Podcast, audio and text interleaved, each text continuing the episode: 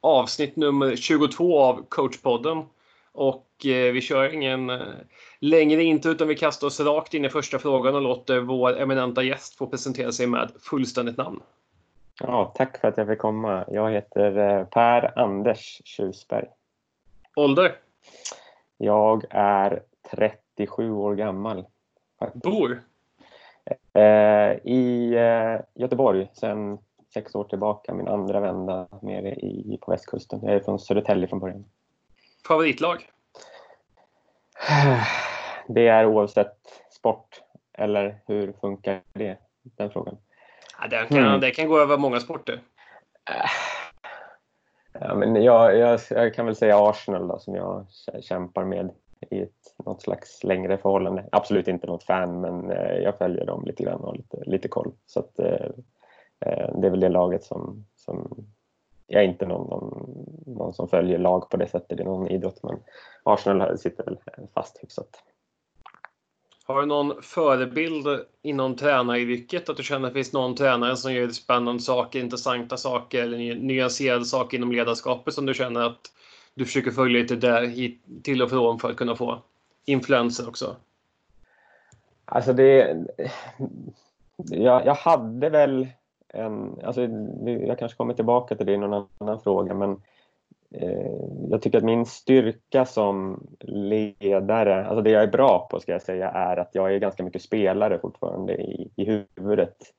Eh, så att kring själva spelet så är jag, jag, jag tittar inte så mycket på en tränare som gör sig eller så utan jag försöker liksom ha en koll på vad gör alla andra innebandylag, vad gör, hur ser fotbollen ut och så vidare. Men det är inte någon specifik tränare kring spelet som jag, som jag någonsin har, har ehm, följt på det sättet. Jag och David Jansson, Schweiz eh, förbundskapten, är ju eh, ganska nära eh, och det är väl David och jag som i, i, liksom har, har börjat prata kring innebandy för 10-15 år sedan hur, hur man skulle kunna spela och tänka på ett sätt.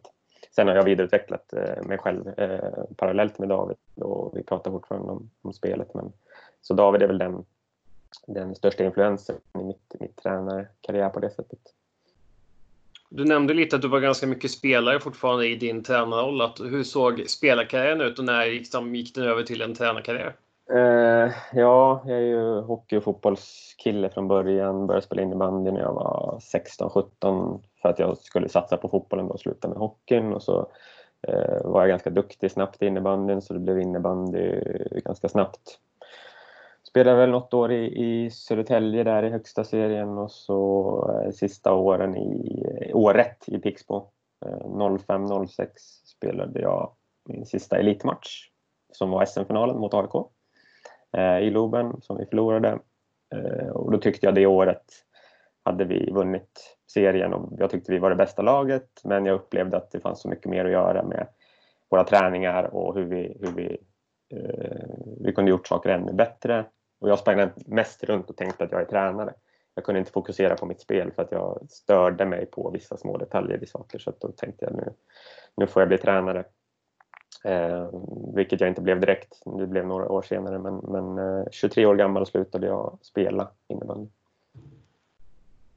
Kan du känna liksom eh, när du blev tränare liksom att var det enbart utifrån de delarna eller liksom vad var det som lockade med att bli tränare istället? Ja, nej men det var nog mest det liksom. Jag, jag, jag, har en ganska, jag har en ganska en personlighet som måste förstå saker och som måste ja, men måste, och jag, jag vill hela tiden, hela tiden göra saker bättre och lösa problem och är väldigt sådär eh, vill nörda ner mig i, och jag tyckte att det är någonting i den här sporten och andra sporter också. Varför, hur kan en fotbollsmatch gå 90 minuter och, och vissa lag får inte ens väga ett skott på mål? Alltså det är helt sjukt för mig eh, på elitnivå att, att det skulle vara så mycket svårare att komma till avslut än att förhindra avslut.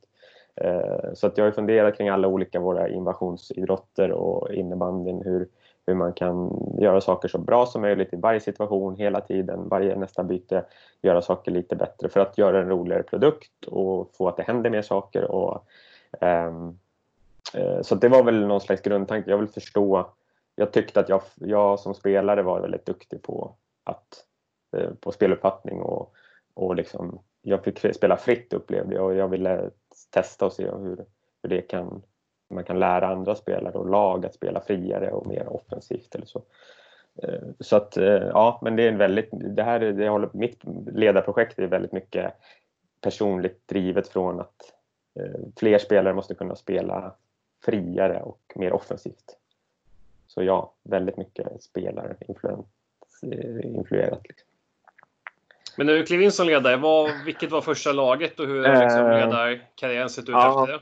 Precis, jag, jag började som assisterande i Täljes damer eh, i näst högsta serien, hette väl division 1 då. Eh, med eh, jätteroligt bra lag och vi var nära att gå upp till SSL och sen gick jag till Huddinges damer i SSL och jobbade med Joakim Borgqvist eh, först som assisterande där och sen blev jag huvudtränare i Huddinge. Eh, två säsonger vågar jag. Ja, det måste vara två. Jag är inte så bra på att komma ihåg eh, årtal och eh, hur länge jag varit på olika ställen. Ehm, och efter de två åren så blev det Pixbo som jag varit i, i är det sjunde säsongen nu kanske. Jag, som sagt, jag vet inte, men jag har varit ett tag i Pixbo. Så ser det ut. Om du får välja ut någon favoritmatch genom de här åren som ledare, är det någon match som sticker ut lite extra? Oh. Eh, också så väldigt onostalgisk och eh, eh hela tiden nästa, nästa träning, nästa match. Eh, men, ehm, eh, ja, men jag skulle nog säga att det, det häftigaste, alltså, nu har jag varit med i damlandslaget också lite grann, men det, det, det var väldigt, jag och David Jansson hade student-VM-laget, alltså vårt studentlandslag, i, åkte till Singapore 2014 kan det ha varit och spelade där nere och den turneringen var väldigt häftig och det var kul att jobba med. Den finalen var, var häftig. Vi jobbade med Johannes Wilhelmsson och uh, Tobbe Gustafsson och sådana spelare som inte hade breakat än. Uh, eh, det var kul att jobba med dem och se att det, den sitter kvar uh, starkt hos mig tror jag. Men det finns många matcher som jag vet var jävligt roliga och, och så det är en svår fråga. Om du får eh, välja ut en person i innebandyvärlden som du ska dela en kanna kaffe med och då är tid, plats och språk ingen begränsning. Har du någon person du skulle vilja dela en kaffe med? Uh, jag skulle nog... Jag tänkte, jag fick ju se den frågan innan här. Um, jag, jag, Mika Konen hade varit kul att prata med. För jag, jag har mött honom och jag har sett honom spela och jag eh, är en fantastisk spelare som, som eh, och en, en, verkar vara en fantastisk människa också. Och hans, ja, men se hur mycket av hans skills på plan och kunskap kring spelet som, som han kan föra vidare som tränare. Det hade varit väldigt intressant att diskutera hur han ser på spelet och hur han vill föra vidare sina skills till spelarna i sitt lag. Eh, så Mika hade varit kul att prata med. Om du får eh, försöka definiera den optimala innebandyspelaren sett till egenskaper. Vilka nyckelfaktorer skulle du nämna då? Ja, men, de flesta människor är väl färgade av sin egen upplevelse av spelet och jag, jag, jag har ju en fallenhet för de eh, snabba, eh, vad ska man säga, atletiskt rörliga spelarna. Alltså jag tycker Emil Johansson är, är fantastiskt rolig att titta på för han har så många verktyg att lösa problem med. Liksom. Han kan röra sig med bollen i alla riktningar och har en utväxling i, sin, i, sitt, eh, i sitt steg som är... Och han kan hantera bollen och han kan skjuta och passa. Han är, han är väldigt komplett. Eh, och sen skulle man väl kanske, säga, Emil Johansson plus eh, 10 centimeter och några kilo till på den kroppen, då hade det varit han hade varit väldigt svår att stoppa i vilken situation som helst eh, och det är han redan nu. Ehm, så eh, Emil Johansson och Emily Salins, eh, finska powerforwarden, hans kropp. Det kanske hade varit någonting nära optimalt i alla fall. Om du ska ge något tips till en ung spelare som vill, vill utvecklas och bli framgångsrik inom sporten innebandy. Vad är bästa tipset du kan ge då? Det är nog... Alltså du måste ha en uthållighet och en drivkraft eh, i att ja, men, jag har ett, det, det, finns ett lugn med att jag behöver inte vara bäst nu. Liksom. Eh, och man behöver alltså, en uthållighet och man behöver någon slags eh, om man inte har duktiga tränare som hjälper med det, vilket eh, inte alla har, eh, som hjälper en just med ens egen detaljutveckling. Det, det, det, det gäller alla idrotter och alla ledare. Det är inte lätt. Och då måste man ha en egen analys. Varför händer det här? Varför eh, lyckas jag inte med den dragningen? Varför passade jag bort den bollen? Eh, och inte vara rädd för att grotta lite i ja, men, vad kan jag testa nästa träning? Vad kan jag testa nästa match? Eh, den tror jag eh, finns där och det hoppas att många tränare tillåter spelarna att göra den här självreflektionen. Att hur ska jag lösa de här situationerna bättre nästa gång? Liksom. Och att man får testa det. Liksom. Det tycker jag är viktigt som tränare att spelarna det är väl någonting jag, tror, jag hoppas att unga spelare kan ställa krav på sin, sin miljö och sin förening. Men jag vill inte vara styrd. Säg åt mig att göra exakt vad det här eller att jag ska få skäll när jag gör ett misstag och så vidare. Det, det hoppas jag att våra, våra ungdomar kan ställa motkrav på, på sin miljö. Jag har delat upp frågorna lite i två, sett utifrån två olika roller har. Den ena rollen är ju kopplad lite, lite mot landslaget. Mm. Där du har varit läktarcoach i damlandslaget. Eh, mm. Eh, vad konkret innebär den rollen? Eh, från början var det väl tänkt, jag började för sex år sedan med Andreas Lundmark och då var det ju arbetsbeskrivningen var väl att menar, analysera självklart vårt spel och även motståndarna, göra en kartläggning och sen fick vi se hur vi utvecklade den rollen och det har väl utvecklats mot att jag kanske inte bara analyserar vårt spel utan även jobbar med förbättringspunkterna i väldigt nära med eh, ledarteamet. Eh, från att vara en ren att bara studera så blev det att involverad i hur utvecklar vi det. Så att, eh, jag har väl tillsammans med Lundmark först och så nu med Kotten och Karovi Vidar och, och Josefin Eiremo eh, tagit fram hur vi spelar och eh, inte bara analysera matchen utan även väldigt noga med att ställa krav på spelarna hur, hur vi behöver agera i så. Men jag, jag tittar på matcherna väldigt mycket efterhand, eh, både under turneringar och eh, mellan turneringar. Men, och sen sitter jag på läktaren under match och pratar lite med, i ett headset med coacherna. Och just om vi ska utveckla det här under matchen, vad är din, eh, vad är din roll att titta på då? Liksom, är, det, är det både liksom motståndare och egna spel eller liksom vad fokuserar du på? Ja, superbra fråga och det, det är väl vi, alltså vi har ju för, förmånen i svenska damlandslaget att vara, vi vet att vi är bäst inom citationstecken, det vill säga att vi tycker att vårt spel ska hålla. Kommer vi bara upp till vår nivå, då spelar det inte så stor roll vad motståndarna gör. Eh, så har vi upplevt att det, det handlar om oss, det handlar om vår prestation. Så då tittar, jag tittar väldigt mycket på vad vi gör, vad, de mönster vi vill se självklart ser jag motståndarna, gör de någonting annat som vi inte har räknat med, som vi, vi har förberett spelarna på att men, Finland kommer att agera på det här sättet. Ser vi att nej, de, gör, de gör något helt annorlunda, då, måste jag, då har jag snabbast möjliga eh, läge att informera. Nej, men Finland gör inte alls som vi tänkte. Nu måste vi hjälpa spelarna att tänka om. Liksom. Eller så ser jag att ja, men det här är precis som vi har förberett spelarna på. Eh, nu är det upp till spelarna att leverera det och ser vi att ja, men det här är problemet då måste vi ju självklart hjälpa till med att berätta. Kom ihåg, här vi pratar om de här sakerna. Liksom. Eh, så att det är ju en balansgång att se båda, se en hel matchbild. Och det är svårt som tränare, det vet ju alla som stått i bås. Det är svårt att se vad som händer, få en överblick. Eh, jag har överblicken, jag ser inte allt men jag ser mer och jag försöker bara filtrera vad kan de i båset vilken information kan de hantera i matchsituation? För de är också inne i en match på ett annat sätt än vad jag är. Så att, eh, det är helhet och så filtrera. Vad är viktigt? Vad är viktigast att få ner i båset nu eller i paus?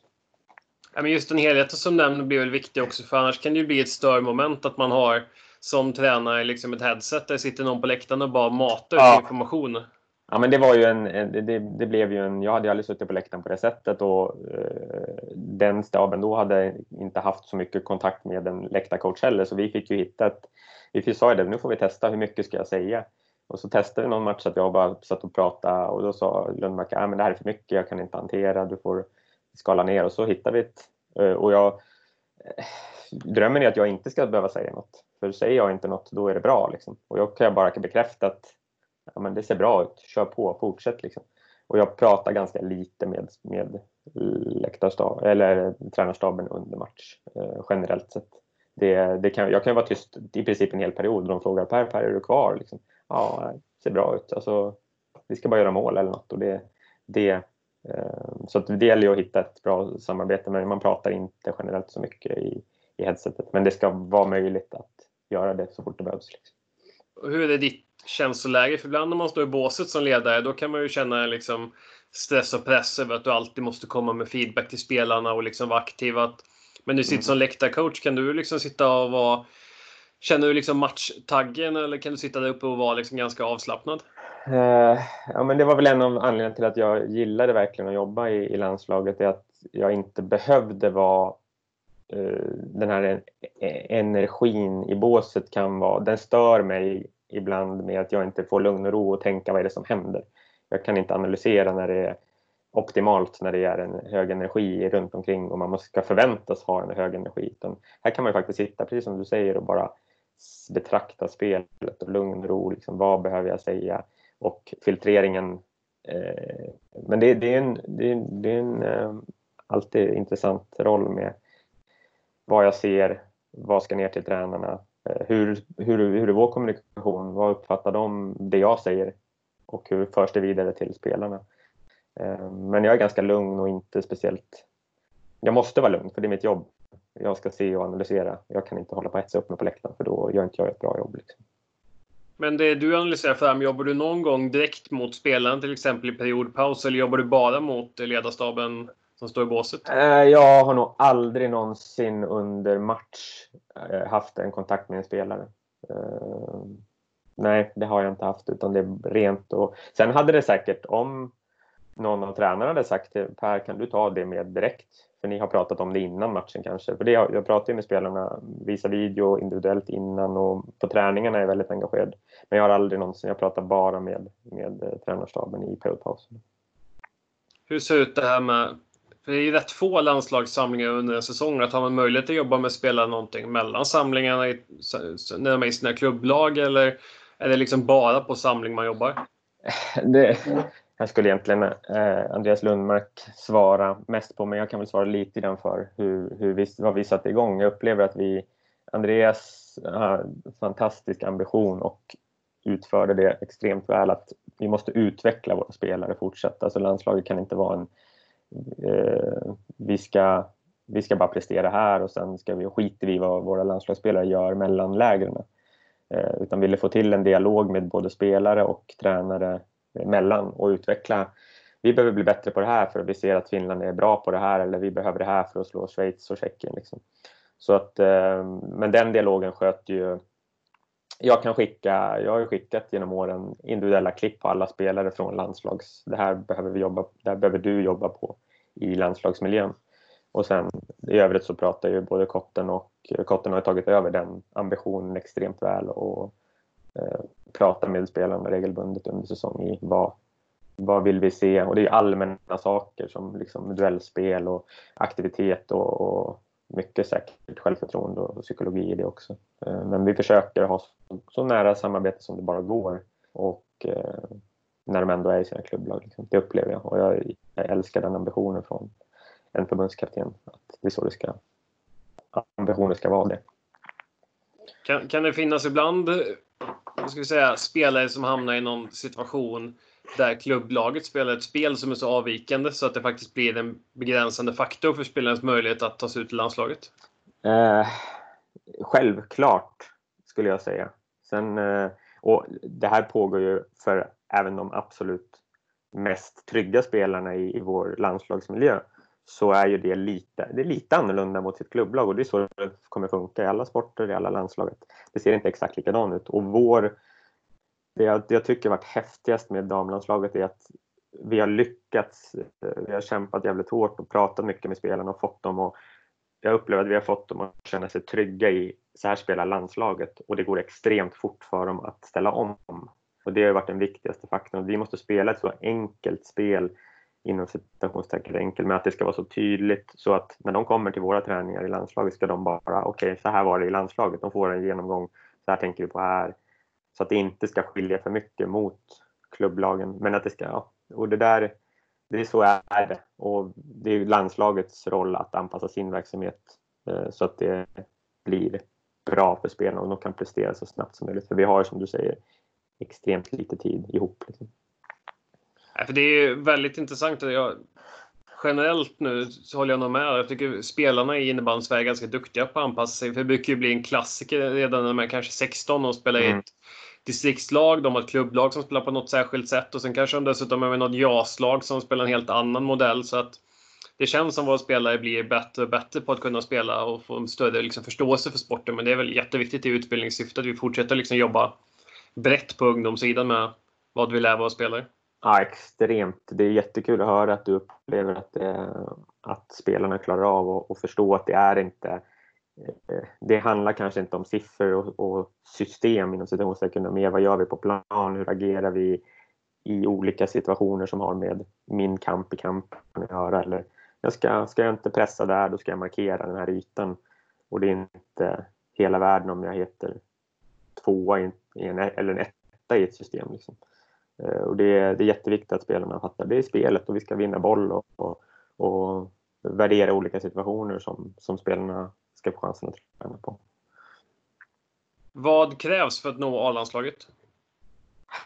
Ja, uthållighet eh, är ju alltså i sin, i sin satsning att man måste ha tålamod. Att, eh, det, det, är bra att spela U19 eh, om man eh, liksom, det är klart att det är bra, men det är absolut inte någonting som säger att du måste ha spelat U19 för att bli en A-landslagsspelare. Um, och det spelar ingen roll om vi kan lyfta ett exempel eller hundra exempel. Det är ett fakta liksom.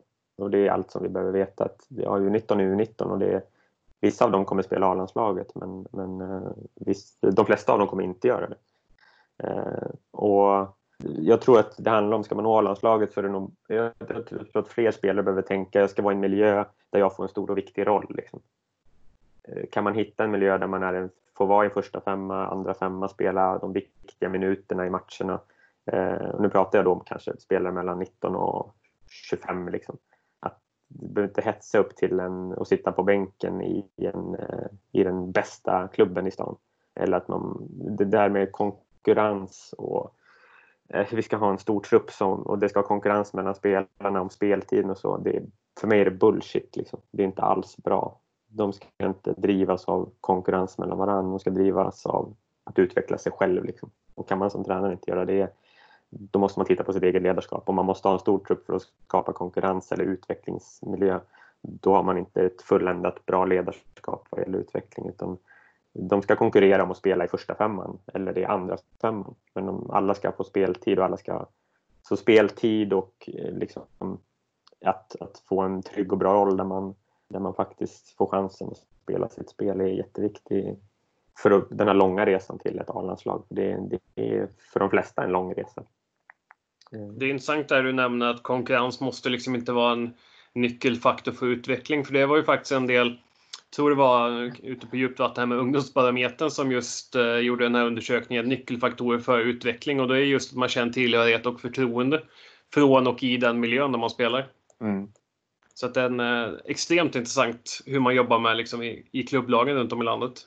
Ja, det där hade varit en jätteintressant grej att och liksom lite forska kring. Att jag pratar med andra idrotter på elit, elitnivå, det vill säga högre elit än vad vi innebandy håller på med eh, Eh, som säger att nej men vi, vi, vi, vill inte, vi, vi, vi jobbar inte med det här med stora trupper och konkurrens mellan spelarna till höger och vänster för då, det blir bara rovdrift på varann och det blir ingen bra arbetsklimat utan vi jobbar med spelarnas egna driv utifrån slå sig själv personbästa, hjälpa varandra och bli bättre. Liksom.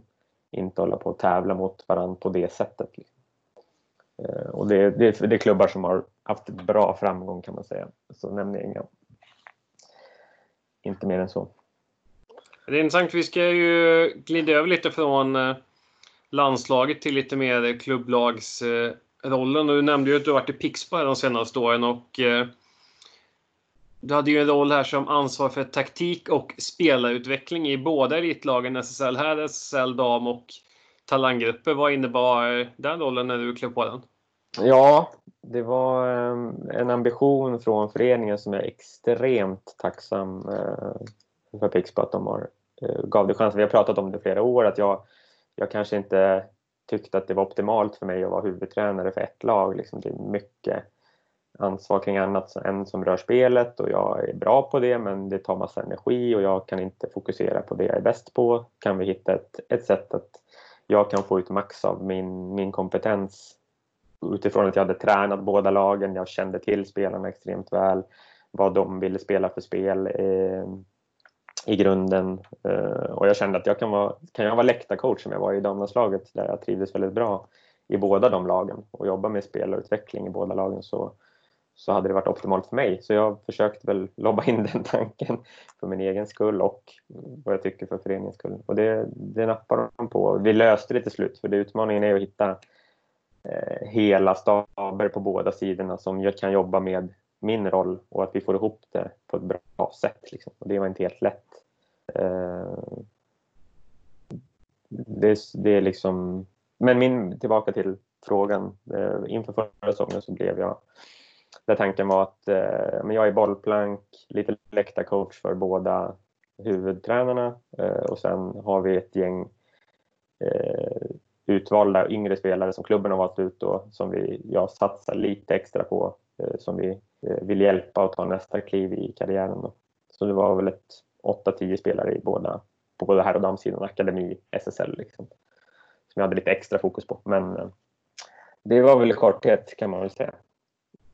Men det är spännande om du tänker både SSL här och SSL dam. Hur, hur funkar det tidsmässigt med liksom matcher? Liksom, kör man bara hemmamatcher eller, liksom, eller försöker man ha någon jämn fördelning att ta lika många matcher med båda lagen eller blir det, när det blir krockar och sånt där? Ja, nej, men det har faktiskt krockat för den här säsongen knappt någon match överhuvudtaget. Men jag, har varit, jag är på plats alla hemmamatcher på läktaren och sen ser jag alla bortamatcher på, på webben och är liksom med feedbackar under eh, på eh, skriftligen då skickar till, till tränarna i pauserna och så. Vi ring som vi behöver diskutera något också. Eh, men jag ser, jag, jag ser alla matcher live för alla lagen. Um, med någon enstaka, kanske att jag har missat någon, att vi tycker att den där behöver jag inte för att jag ska prioritera något annat. Men ehm, eh, det funkar ju skitbra om jag ska vara ärlig. Att, att jobba i båda lagen och eh, med duktiga staber som, som liksom jobbar med helheterna och sen kan jag vara med och tycka till om vissa saker och, och fokusera på individerna. Så eh, det gäller för mig att vara prestigelös i att det är huvudtränarna som bestämmer. Liksom. Det är inte jag som bestämmer om vi ska göra si eller så, utan det jag gör är att jag, okej okay, du vill spela så där, du vill ha den taktiken, då vet jag med min erfarenhet och har varit med så länge som jag har varit med och, och att ja, okay, men då behöver man tänka på de här sakerna. Det här spelsystemet eh, är starkt där, svagt där eh, och bolla helt enkelt. Och det är ju jättespännande, för du var inne lite på spelet där. att Finns det någon tydlig tråd från föreningen att så här vill Pixbo spela innebandy? Eller är det upp till respektive stab utifrån spelartrupp och liksom de delarna att sätta? Eller hur, hur, hur har det sett ut där? Ja, jag, jag sa väl det att eh, min roll, ska jag jobba i båda lagen, det kommer vara, det måste, då måste det finnas huvudtränare som har en tydlig idé, vad vill de göra liksom. Sen kanske man pratar på, på herrsidan då, SSL, akademi, att få lite röda trådar i hur herrsidan spelar och damsidan kanske vill prata så här vill vi spela på damsidan. Men det handlar ju mer om, ja, ska vi spela 2-2-1 i ett försvarsspel i akademi och SSL för att det ska bli lättare att flytta spelare så. Eh, och jag, jag tycker inte att, min personliga åsikt eh, är ju att huruvida man spelar 1-2-2, 2-2-1, 2-2 det där fluktuerar, man, det går trender i saker. Man kan inte säga i en förening att nu ska, vi, nu ska tioåringarna till senior spela 2-2-1 och tro att det ska hålla och ge framgång i, kommande tioåring. Det funkar inte så. Utan vi har väl pratat i Pixbo om att vi ska ha en, en miljö där det drivs av utveckling, personlig utveckling, eh, försöka hitta sätt att motivera alla spelare att bli bättre på, på sin nivå. Eh, lära sig grunderna i spelet, pressa, markera, slå sin spelare, eh, rörelse utan boll som spelar ingen roll vad man spelar för spel för spelsystem. Eh, där har vi försökt att ha en eh, hyfsad röd tråd. Eh. Så, så, så, då kan våra spelare gå mellan olika lag och okej, okay, men här, här tänker vi så här, men de fattar ändå grunderna. Liksom. Och hur mycket då av det spelet ni jobbar med i liksom respektive miljö bygger liksom på det man kan påverka själv och hur mycket anpassas efter motståndet. Om man nu till exempel möter Falun med herrlaget ena veckan, kan man spela helt annorlunda då? Eller tycker du att grunden är att man jobbar med det man kan påverka och liksom vi försöker göra vårt spel så bra som möjligt? Eller? Ja, men superbra och intressant fråga. Eh, det är en del av min roll också som jag inte tog upp, är, har varit att jag har ändå varit den som scoutar och förbereder lagen, både här och dam, eh, i, i någon, något slags, eh, det gör huvudtränaren också, men jag har väl varit ganska inblandad i hur scoutar vi nästa motstånd. Eh, så att det har, den frågan blir ju kopplad till hur, hur jobbar man med, med scouting helt enkelt och förbereder, förbereder lagen. Eh, ja, alltså det där är ju en, ett långt samtal man kan ha men vi har väl någon slags grundinställning tycker jag i Pixbo som kommer redan från, från David Jansson från början då, och även Jonas Eliasson på, på damsidan att de två har varit väldigt starka personligheter och jag har varit med också och påverkat den utvecklingen. Att vi, vi ska spela inom citationstecken vårt spel och det vi tränare gör är att försöka titta på vad motståndarna, hur passar det in i att kunna slå motståndarna? Liksom? Hur använder vi våra nycklar, det vi är bra på, det vi alltid vill göra? Hur, hur använder vi de nycklarna i mötet mot Iksu eller Falun eller eh, Dalen? Liksom? Um, och där, det handlar om att bli duktig som tränare och det tycker jag vi har varit. Vi har varit väldigt duktiga och det är därför det har faktiskt gått ganska bra för Pixbo under lång tid i båda lagen. Att vi har varit och eh, konkurrerat på en hög nivå under lång tid med stor omsättning i spelartrupperna. För att vi har varit duktiga på att förbereda spelarna. Vad är vårt spel? Hur, hur rimmar det med motståndarnas svagheter? Liksom? Hur utnyttjar vi våra styrkor i motståndarnas hål? Um, så att det, det, det, du måste titta på båda sakerna kort, kort svar. Uh, och du, ibland måste du ändra helt och hållet om du tycker att motståndarnas styrkor är så jäkla starka. Eh, uh, Faluns första femma kanske du måste försöka testa tänka annorlunda om du känner att ja, men det är här du behöver göra. Men i grunden så slår vi de flesta lagen, både här och dam, om vi spelar vårt spel. Det måste vara vår tro i alla fall. Och det här, nu blir det så här generellt SSL här och damen. Hur mycket när man scoutar ett lag upplever du stämmer. Jag kan ju bara dra parallellen till föregående avsnitt när vi pratade juniorallsvenskan med Erik Laine och vi pratade mm. om just det här att nu scouta ett jaslag. Alltså de kan ju spela ett helt annat spelsystem nästa gång med tio nya spelare.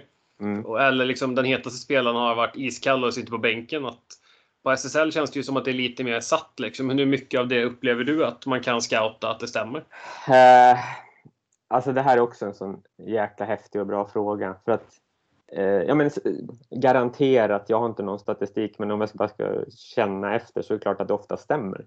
Ofta så kan man titta på ett lag, hur det spelar och sen spelar det laget så nästa match mot, mot oss också. Eh, problemet man får om man bara eh, sig att det som ska hända, eh, det motståndarna ska göra, ska vara samma sak. Eh, och man bygger upp hela sin spelidé. Alltså nu, ska vi, nu möter vi de här då måste vi liksom göra på det här sättet. Om de grejerna inte rimmar med den, den egna spelidén, vad händer då när motståndarna gör något annat? Och du inte, jaha, nu gör de något annat, och vad fan ska vi göra då? Liksom?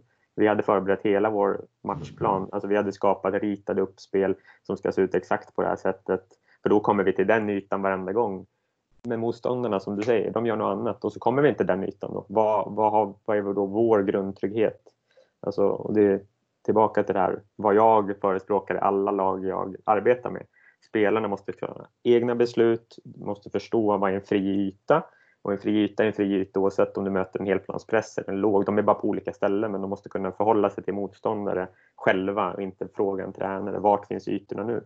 Ja, men du är ute på plan. Du ser ju det bättre än vad jag gör på sidan som tränare. Eh, du ska förhålla dig till din motståndare, du ska skapa fria ytor med skapar jag en fri yta genom att ta en löpning så antingen blir jag fri själv eller så blir någon annan fri och då får jag i nästa fas.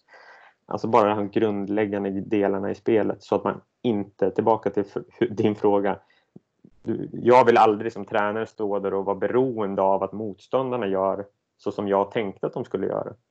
Förstår jag och, och ja, men nu gör motståndarna, då sa jag inget, jaha, vad, vad, vad, gör vi nu då när motståndarna inte gör som jag hade scoutat? Um, så att det där är faran med att scouta för mycket och bara bomba in spelarna i ett fack att så här kommer de spela. För då, då står du där med, med rumpan bar när de, när de har en finare matchplan med olika, de kanske tänker Pixbo, då spelar vi helt annorlunda för de, de måste vi, den här kampen mellan taktiker eller vad man nu kallar det. Man måste ha så många verktyg som möjligt som spelarna och det måste spelarna själva bestämma över de här verktygen på plan. Liksom. Superintressant som man kan prata länge om.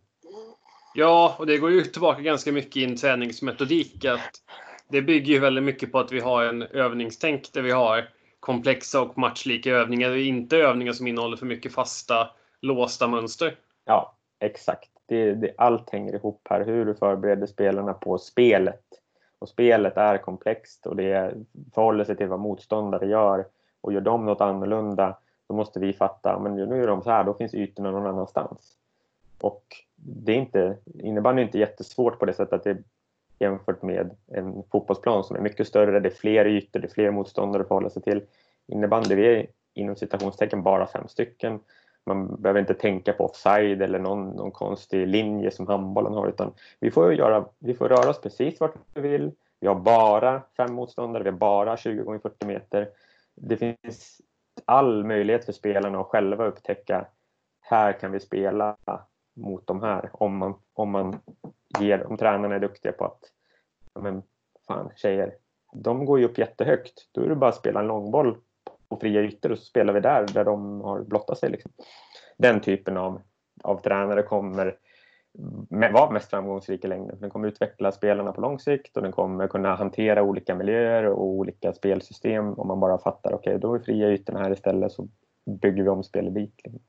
Och som du säger, träningsmiljön hela tiden tänka på hur kopplar vi övningen till spelet? Hur får spelarna ta beslut i övningarna? Eh, hur tränar de på att spela innebandy och inte springa enligt linjer på en tavla? Liksom. Sen kommer det enskilda matcher säkert kunna vinnas med styrda lösningar. Absolut. Har man tur inom citationstecken att motståndarna gjorde exakt som man, som man beräknade och eh, man låste in spelarna i det mönstret som var bra. Eh, fine, du kan vinna med 15-0 om du om motståndarna då inte förstår att de ska ändra sitt spel för att vi straffar dem. Eh, du kan kortsiktigt nå jättestora framgångar på det, men på lång sikt att utveckla spelare, det, det är dödfött. Liksom. Och den är också intressant om man tänker på elitnivå. att man pratar väldigt mycket, eller du pratar mycket om lång sikt, att man ska utveckla mm. spelarna. Mm. Men kan det också finnas ett krav att du måste göra resultat på kort sikt? För annars så kanske du inte har förtroende att jobba med spelarna på längre sikt ändå från föreningens sida. Ja, det är också den självklara motfrågan där att, att göra båda sakerna. Och det är det här som jag tycker är så jäkla roligt och det är därför jag liksom fortfarande eh, liksom brinner väldigt mycket för träningar och för att planera träningar. Att, att göra båda sakerna på elitnivå. För att det är en utmaning och det är det häftigt, en häftig utmaning. Att, som du säger, du måste vinna nästa match och det är alltid huvudsyftet på elitnivå. Du måste vinna nästa match. Sen har vissa lag, Falun, de kommer vinna nästa match även om de inte går 100% för att vinna nästa match. Det vill säga eh, toppa formen till att möta, eh, inte vet jag, Höllviken eller hemma. Liksom. De behöver inte toppa formen hemma Eh, till 110 procent. Eh, det finns ju bara en skala att de bästa lagen kan gå på halv fart inom citationstecken. De kan göra andra saker. Men eh, det, det där, det där, den frågan ställs ju alla, det är inte bara elittränarna som ställs inför det. Jag tror att det finns press, krav, förväntningar på en pojkar 13, flickor 15, juniortränarna att också vinna matcher. Eh, det finns det på, tyvärr, inom barnidrotten. Under tio år gamla så finns det en förväntning att men varför försöker ni inte vinna matchen? Eller varför, eh, från föräldrar, från tyvärr kanske också förenings eh, andra tränare i egna föreningen. Det där, det, det där ställs alla inför. Och alla gör trade-offs. Alla måste göra trade-offs i att hur mycket ska vi vinna nästa match och hur mycket ska vi... Och det bästa är om man kan göra båda sakerna. Liksom. Det är också en komplex fråga som är rolig att jobba med. Hur utvecklar vi och vinner vi samtidigt? Liksom mitt mål i Pixbo är att vi ska vara så bra så att vi måste utvecklas hela tiden, varje träning, varje match för att vi ska vara så bra så att när vi kommer till en SM kvart, semifinal, då ska vi inte se hur vi kan förlora. Vi har så många verktyg, spelarna är så trygga på spelet innebandy så att gör motståndarna si, då gör vi så. Motståndarna si, då gör vi så. Och det har inte med taktik att göra utan det har med när han, hon springer och dribblar bollen så, då gör jag si, annars gör jag så. Eh, spelet eh, och utveckla spelarna i det. Liksom. Du nämnde ju slutspelet här som är ganska intressant. Eh, mm. För det är ju någonstans det vi tränar för att liksom, där vill vi vara så bra som möjligt. Men skiljer det mycket i spelet från grundserie till slutspel? Uh, på här sidan om vi börjar med där, så... Ja, men det gör det, har jag upplevt tidigare i alla fall. Eh, alltså det blir mer, jag ska inte säga fysiskt, det blir mer intensivt. Fler byten i matcherna är på spelarnas maxnivå. Det innebär att, att eh, fysiken kommer, alltså orken, förmågan att, att liksom vara bra längre i matcherna spelar mer, eh, har en större betydelse. Det blir mer en mot en spel. Eh, i den bemärkelsen att de bästa spelarna spelar mer i varje lag eh, och de tar ett större ansvar från byte ett att vara bra. Liksom. Jag kan uppleva att i alla idrotter så eh, till och med de bästa spelarna går runt och spelar någonstans på, inte på sitt max under seriespelet i samma utsträckning som i slutspelet. Alltså varje lag toppar ju formen på det sättet att man spelar sina bästa spelare mer. De spelarna är mer noggranna i varje situation och det får, det får ett större utslag. Så att individuell prestation blir viktigare i ett slutspel medan man i grundserien kan coacha mer på lag, scouta bättre och, och slå ett lag som, som kanske inte går max den dagen i november. Liksom. Eh, där har vi också varit väldigt duktiga på generellt i båda lagen att att ha en hög lägstanivå i grundserien där vi har kunnat vinna många matcher på att vi är noggrant förberedda, upplever jag, än andra lag. Men i slutspelet så tajtas den fördelen till väldigt mycket, att den blir mindre utslagsgivande för att nu är det upp till spelarna och det är därför vi måste hela tiden jobba med spelarnas individuella prestationer på i augusti, september, oktober, november för att det är det som kommer vara eh, utslagsgivande i slutspelet. Spelarna måste spela spelet mot sin spelare med och utan boll hela tiden. Det är det som är viktigast. Sen kan vi coacha och vinna matcher i november med att vi har en bra taktik. Men, så att eh, individuellt, en mot en, den typen av två mot en, tre mot två i mindre utbruten, är, eh, det är utslagsgivande i slutspelet. Och det gäller på damsidan också.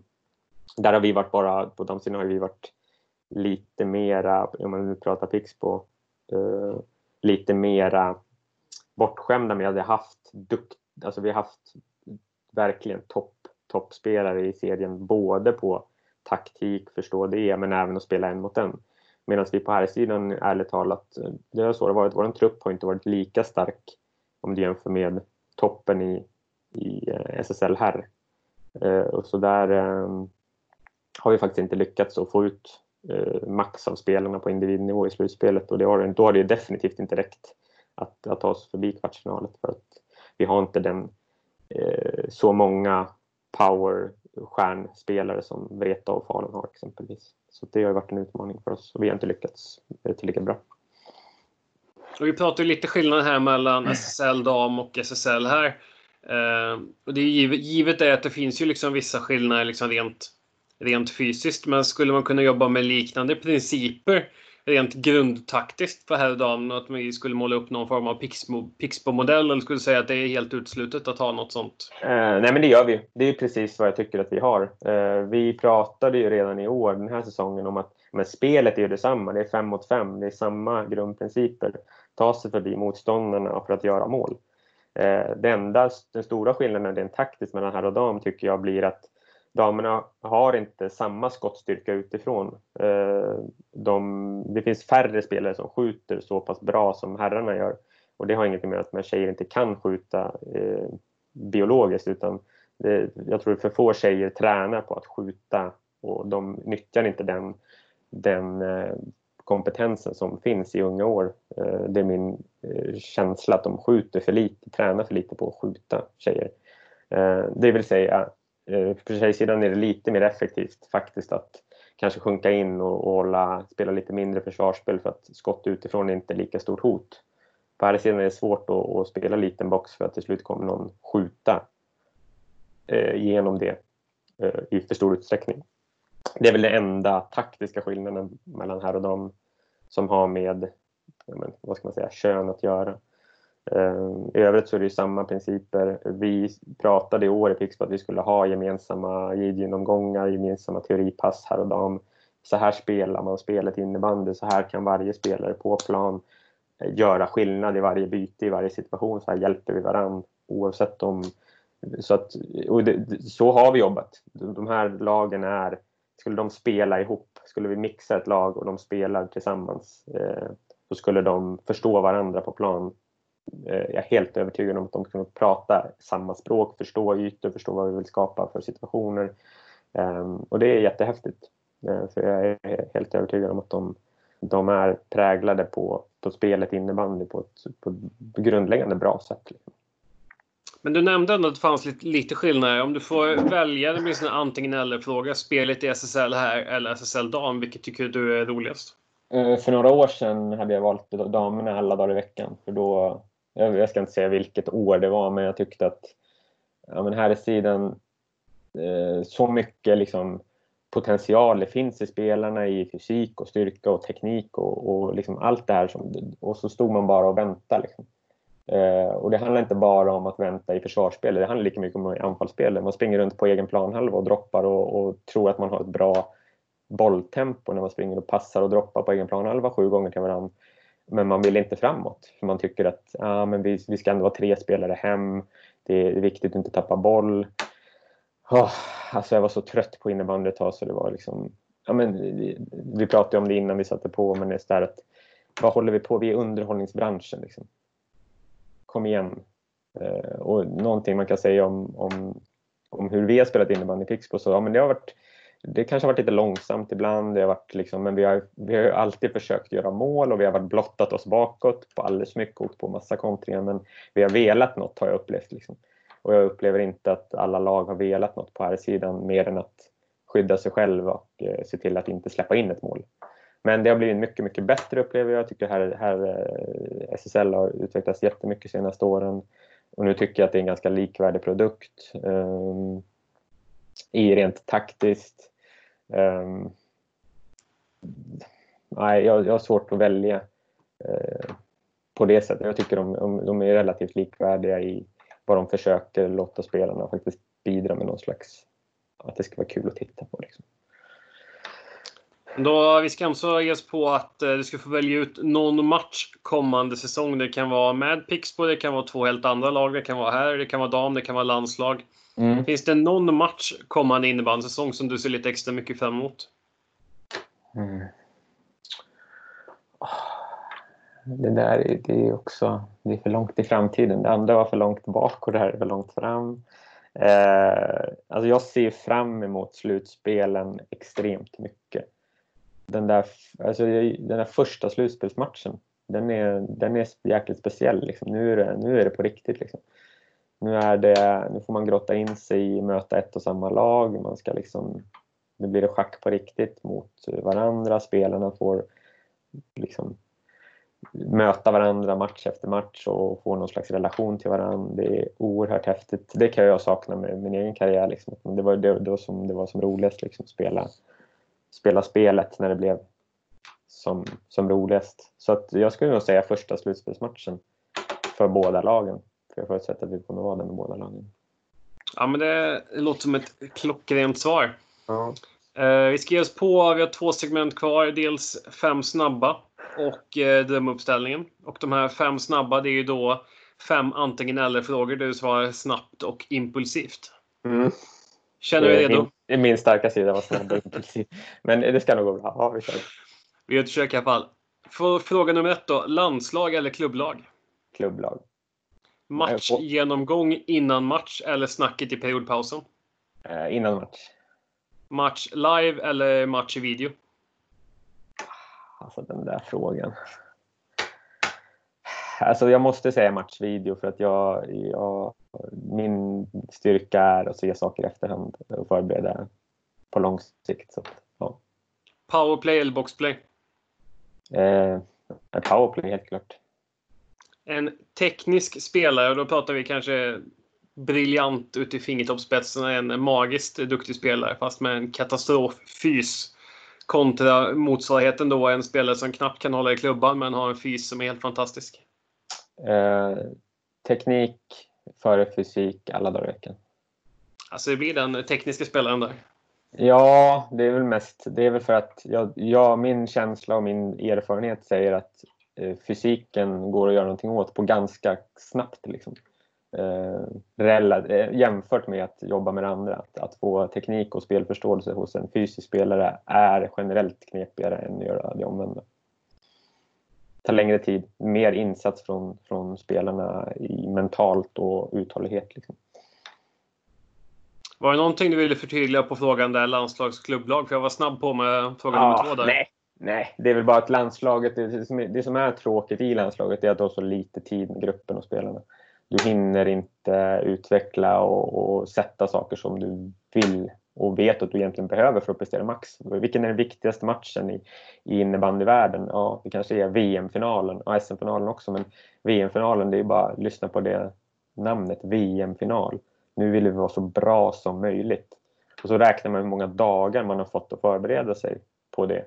Så bara, mm, det, det känns, det är inte, alltså man får göra det bästa av det och vi har verkligen gjort det. Och det gör alla landslag på damsidan. Det är skithäftigt att se hur alla landslag verkligen jobbar med sitt spel och försöker på kort tid göra någonting bättre hela tiden. Eh, men det, det, det klubblaget får du ju träffas hela tiden och jobba. Du får så mycket tid du, du vill. Eller ja, du vill egentligen ha spelarna ännu mer som proffs. Men, men ja, det är därför.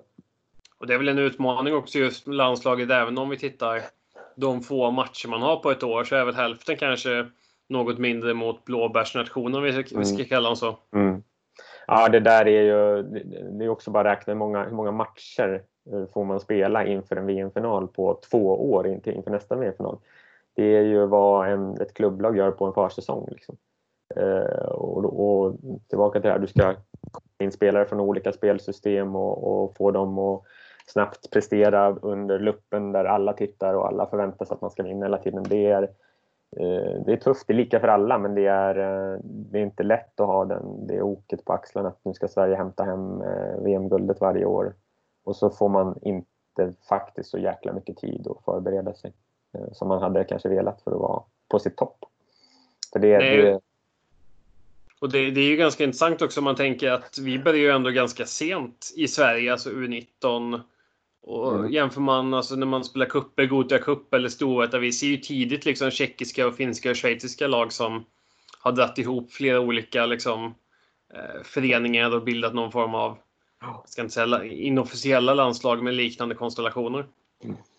Nej, det är svårt. Sen, ja, det är alltid den diskussionen med när man ska börja ta ut ett landslag och vad finns det för poäng att ha U16 och 15 och 17 och 18. Och jag tycker att det, det gör nog mer skada än nytta. Men det är, därför, det är därför det är så viktigt att förbereda alla spelare från de är jättesmå till de blir vuxna på att spela spelet innebandy, inte lyssna på tränaren eh, för att göra vad den säger.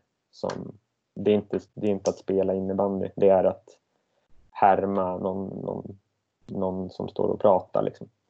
Där, det vore bra om vi alla hade den ansatsen i alla våra... Då hade landslagen varit ännu lättare att jobba med eller har ännu mindre friktion mellan vad klubblagen gör och vad landslagen gör. För den finns. Och den, jag säger inte att det är ett problem och jag tycker att, att liksom, jag har inte upplevt att våra spelare någon gång har ett, ett problem men, men ehm, då är vi också väldigt noggranna med att sätta grunder i vad vi gör på plan i landslagen och det kanske man inte ska behöva göra. Det kanske de ska göra i sina, när de är små eller i sina eh, nion och junior och seniorverksamheter där hemma. Liksom. Och det jag upplever att inte alltid finns och det är inte klubblagens fel, det är ju hela utbildningssystemets utmaning. Ja, men den är delikat och spännande att följa. Eh, sista sekvensen i, i det här avsnittet är att du ska få sätta ihop din egen eh, drömuppställning. Eh, och du är fritt att använda vilka spelare du vill och sen även då om du önskar bygga ihop någon form av ledarstab som ska jobba med den här formationen. Yes. Um, vi, uh, jag har ju jag satt och tänkte, ska jag hålla på att välja folk som har varit i landslaget också? Det kände jag, nej, det ska jag inte göra utan jag har faktiskt jag har landat i Pixbo har varit min, min eh, hemmavist senaste sex åren och det är där, det är där jag kommer hämta alla spelare även om det finns spelare både i Tälje och Huddinge som definitivt hade, hade platsat. Och lite andra lag som jag har varit spelande tränare i på lägre nivå som Bollens BK och Södertälje Östra och andra härliga gäng. Men det blir i mål eh, Sara Hjorting. Eh, jag har haft många fantastiskt bra målvakter då. men Sara är den som har eh, visat eh, ja, hon har vunnit hon, hon är matchvinnare på ett sätt som är extremt häftigt. Sara är liksom fullblodsproffs. Eh, ibland för mycket, för noggrann och för inne i prestationen. Och det är ju 9 gånger, 99 gånger 100 bara fantastiskt bra. Och hon är, eh, var en fantastisk målvakt, eh, en fantastisk person och bara superbra att ha i ett lag på alla sätt. Eh, så Sara ska vara längst bak i tanken. Eh, backsidan, vi börjar med Martin Östholm. Eh, han spelar center nu mer men Eh, har väl varit back större delen av sin karriär. Eh, är en sån här spelare som vi pratar om, jag gillar med, med teknik och, och rörlighet och kan hantera bollen och slå sin spelare en mot en. Eh, skottet som jag tycker man kanske pratar om är hans, ja men det är Martin Östholms skott. Bara, nej, det är inte Martin Östholms skott, han kan skjuta, ja. Det är därför han gör mycket mål i stor utsträckning, men han kan spela spelet innebandy eh, på ett jävligt häftigt sätt. Eh, bra vinnarskalle, eh, Eh, blivit en, en, bra ledare i en grupp som han har utvecklat väldigt mycket så att eh, han är klockren och förstås given. Eh, bredvid sig så får han eh, Ida Sundberg som eh, ja, hon är jäkligt häftig Ida som person, som människa är hon ja, extremt härlig att ha att göra med. Jättebra i ett lag. Eh, i spelet, det är roligt det där du sa med, med teknik och med liksom eh, vad, vad, vad är en bra teknik liksom. Alltså det, att en bra teknik det är att, att, eh, att kunna spela spelet. Det vill säga slå, slå sin motståndare och, och sätta upp antingen sig själv eller andra i bra lägen och, och Ida har ingen fantastisk teknik. Men hon är helt överjävlig på att spela en mot en, både offensivt och defensivt. Hon bara bestämmer sig att jag ska slå dig. Liksom. Sen får det kosta vad det kosta vill. Och sen fattar hon spelet. Hon är inte någon som gör massa poäng, men hon sätter upp andra i bättre lägen hela tiden. När hon passar en boll så ger hon alltid den andra spelaren ett bättre läge än vad hon har. Eh, och hon, och hon är helt orädd och bara jag tappar bollen, ja, skit i det, jag går in nästa byte och så gör det bättre. Eh, Ida är extremt häftig och eh, extremt rolig att jobba med. Enligt mig också en av de som var absolut vassast när det väl var semifinal och VM nere på dam-VM i Schweiz. Ja, men det är Ida. För att Ida, som sagt, hon, har inte, hon bryr sig inte. Liksom. Alltså, på, på ett bra, bra sätt där hon, eh, hon går in och bara, men jag, jag är trygg i vad jag kan och jag ska göra det nästa byte. Jag slog bort en boll, jag slog bort en indian skit i det. Jag gör, hon kan slå tre indianer tre byten i rad. Hon skulle fortfarande gå in i fjärde bytet och bara, jag sätter den här passningen nu. Eh, hon, hon spelar spelet eh, och det är mer än bara att ha en fin teknik och kunna trixa med bollen. Liksom. Så att Ida är given. Eh, det blir en 2-2 uppställning. Det blir en center som heter Daniel Kalebsson som är eh, legendar som eh, gjort extremt mycket för svensk innebandy och varit en, en bra ambassadör. Eh, spel, speltekniskt geni, eh, vinnarskalle. En, en spelare man vill ha i sitt lag och som höll extremt hög nivå under extremt lång tid.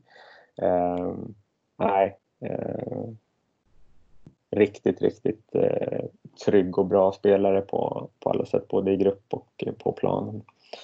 Ehm, vi avslutar med två eh, av lite, lite färskare eh, som jag har fått lära känna nu. De andra har jobbat med under längre tid. Men Gustav Fritzell tar vänster, vänster forward. Eh, som, eh, jag bara jobbat med Gustav nu det här året eh, som var. men ja, har hela paketet, power forward, liksom in och kötta och gröta i jobbiga situationer vinna boll, jobba hem, ta tillbaka boll. Får han läget att göra mål, då hänger han dit den. Finns det en assist att hitta, då hittar han den. Han är, han är, han är komplett. Sen kommer han bli bättre för han jobbar stenhårt hela tiden. Eh, fantastiskt föredöme på att komma till varje träning och, och göra sitt bästa.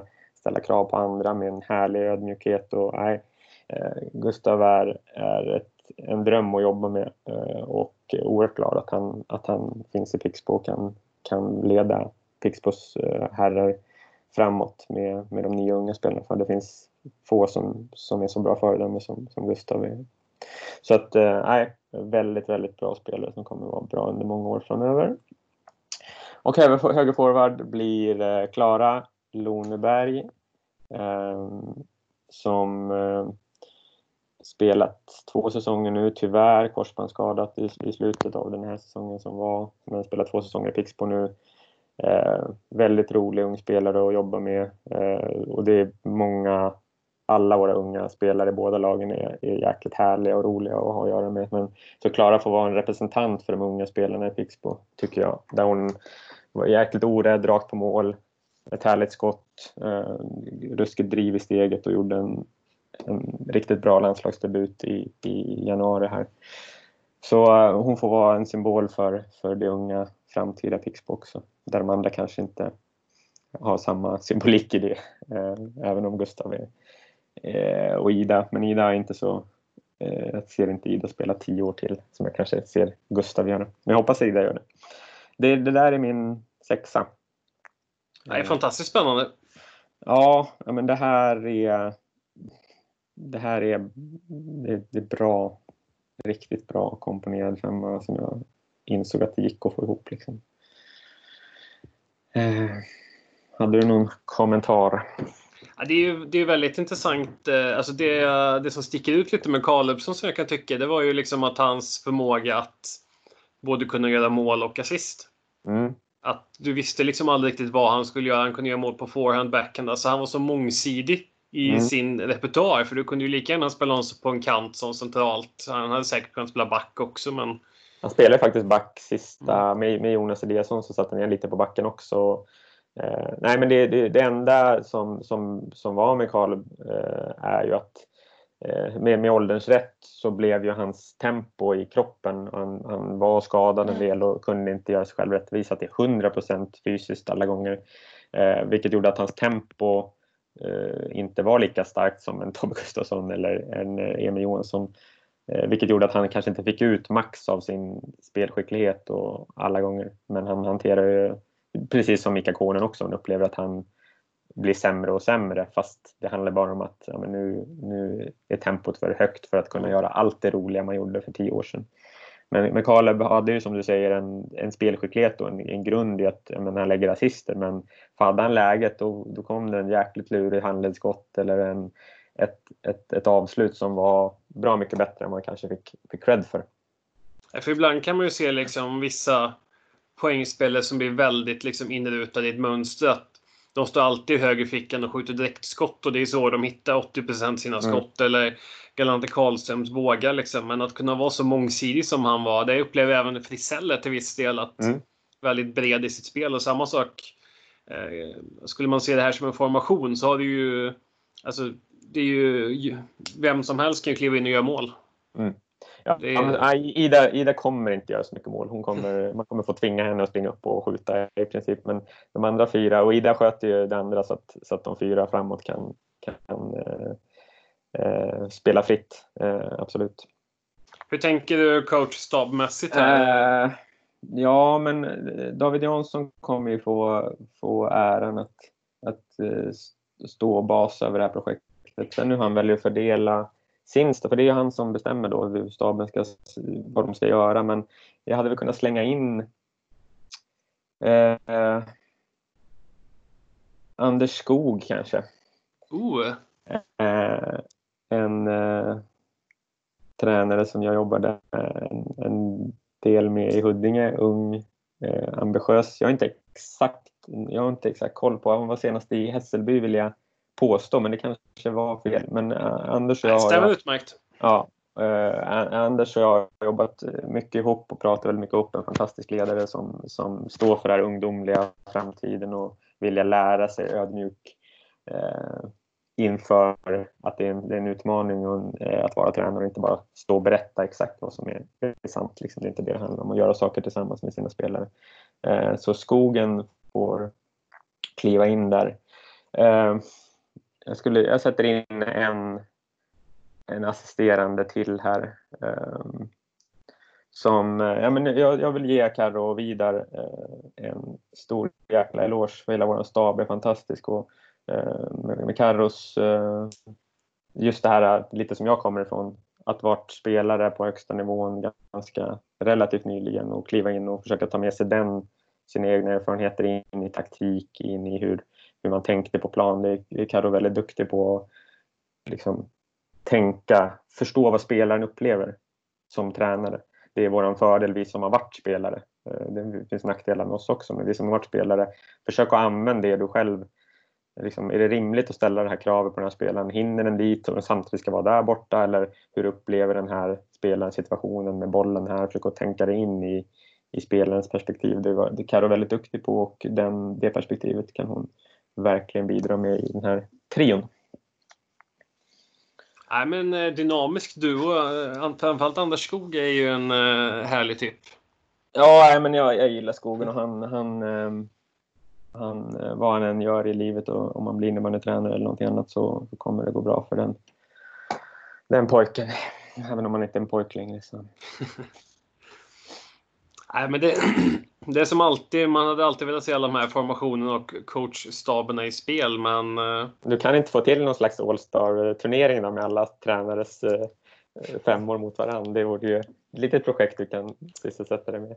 Det hade varit eh, extremt spännande. Coachpodden Trophy i Globen eller något, något liknande. Ja, har du de ekonomiska resurserna för att få? Vi ska se lite. Vi får nog starta att man uh, har ett Swish-konto i alla fall så ja, man, våra lyssnare kan skicka in någonting.